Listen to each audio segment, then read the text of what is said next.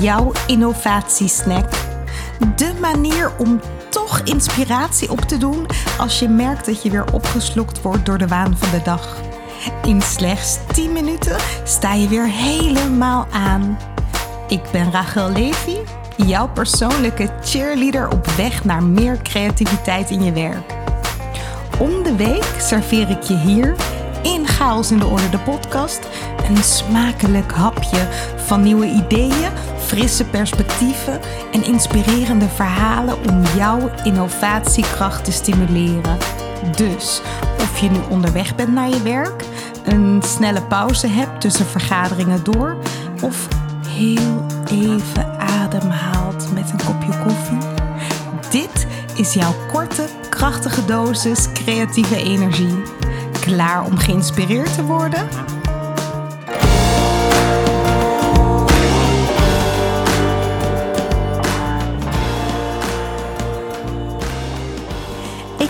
Weer een innovatiesnack om van te smullen. Diversiteit. Het is een uh, hot topic.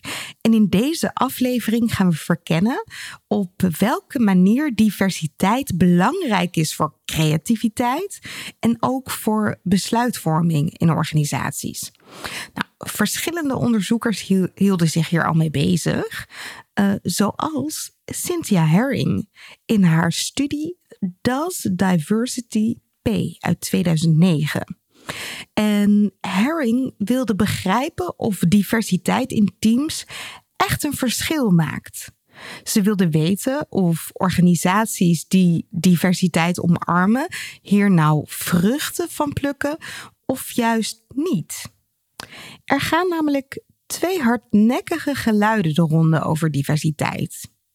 Het ene geluid stelt dat een divers personeelsbestand over het algemeen gunstig is voor organisaties, voor hun innovatiekracht, voor hun bereik, voor hun impact.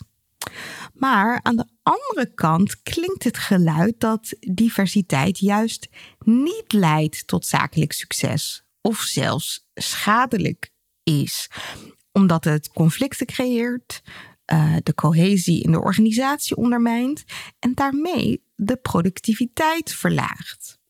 Nou, Cynthia Herring onderzocht die hypotheses en ze heeft een steekproef gedaan onder bedrijven met een winstoogmerk.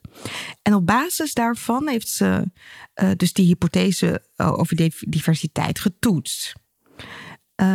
In dit onderzoek meet Herring diversiteit alleen aan genderdiversiteit en etnische diversiteit.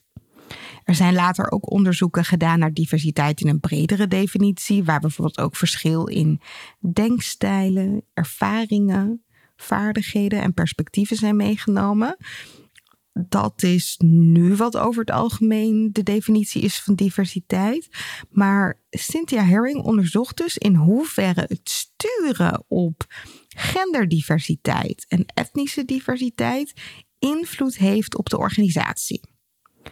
En het gaat dan niet alleen om inclusie, dus dat het op papier een diverse organisatie is, maar het gaat over het daadwerkelijk inzetten van die diversiteit als werkkracht, als kracht om te innoveren.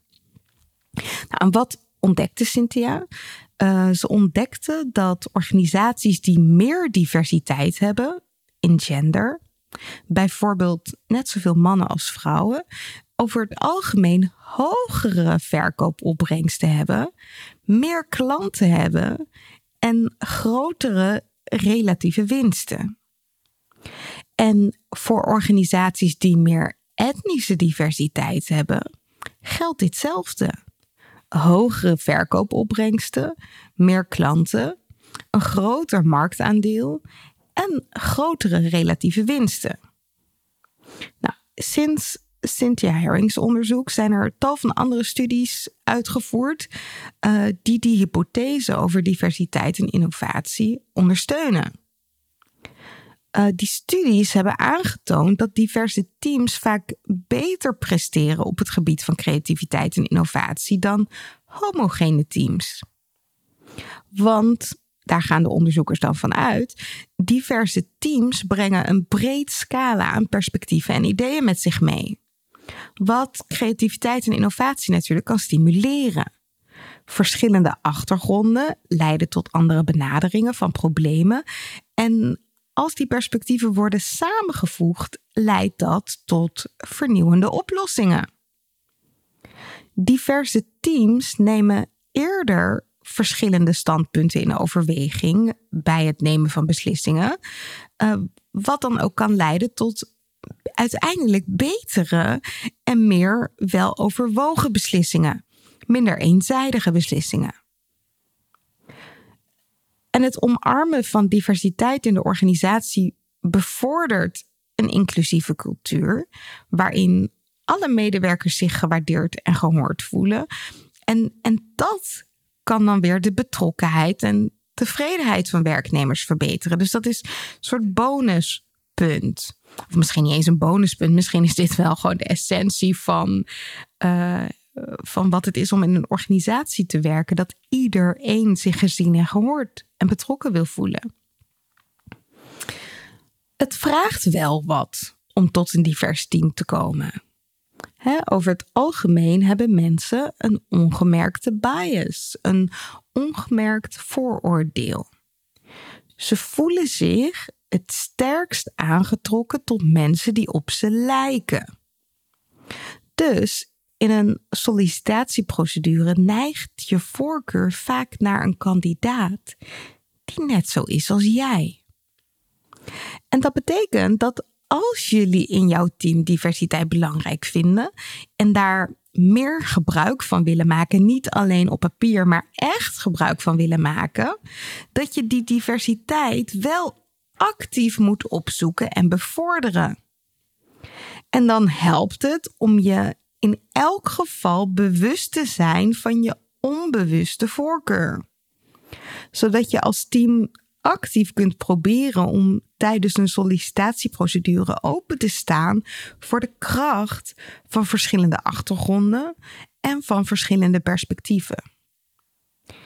Hierbij is het belangrijk dat je diversiteit niet ziet als verplichting, maar als kracht die kan bijdragen aan innovatie en aan succes. Vervolgens, als er dan meer diversiteit komt in het team, is het belangrijk dat die verschillen niet gaan leiden tot onbegrip en conflict, maar juist een superkracht worden van het team. En dat lukt alleen als je met elkaar diversiteit niet passief inzet, maar actief inzet. Luister en leer van elkaar. Bevraag elkaar. Vraag actief om het perspectief van de ander. Sta open voor verschillende meningen en ideeën, omdat de ander andere ervaringen heeft dan jij. Als iedereen bereid is te luisteren naar de verschillende uh, ideeën in een team, dan kun je ook echt gaan leren van die verschillen. En misschien wordt daardoor jullie klantreis veel beter. Of sluit de dienstverlening aan op een veel grotere groep klanten. En dat is hoe diversiteit dus actief kan bijdragen aan verbetering, aan innovatie en misschien zelfs wel een groter marktaandeel. Diversiteit is geen doel op zich, hoewel ik het zelf wel een doel op zich vind. Maar goed, diversiteit is geen doel op zich, maar het kan echt een middel zijn om binnen een team meer creativiteit, minder blinde vlekken en betere besluitvorming te bevorderen. Bedankt voor het luisteren. Je bent weer 10 minuten ouder en wijzer. Dus nu, hop hop, aan het werk. Creativiteit, innovatie. Het lijkt omgeven door een mysterieuze mist. Een geheim voor briljante breinen en getalenteerde kunstenaars. En toch, het moet toch voor iedereen toegankelijk zijn? Aflevering voor aflevering graaf ik steeds een stukje dieper. Ben jij enthousiast? Abonneer je dan op deze podcast en laat een review achter in de app waarmee je luistert. Hoe meer reviews we ontvangen, hoe meer mensen deze podcast kunnen vinden.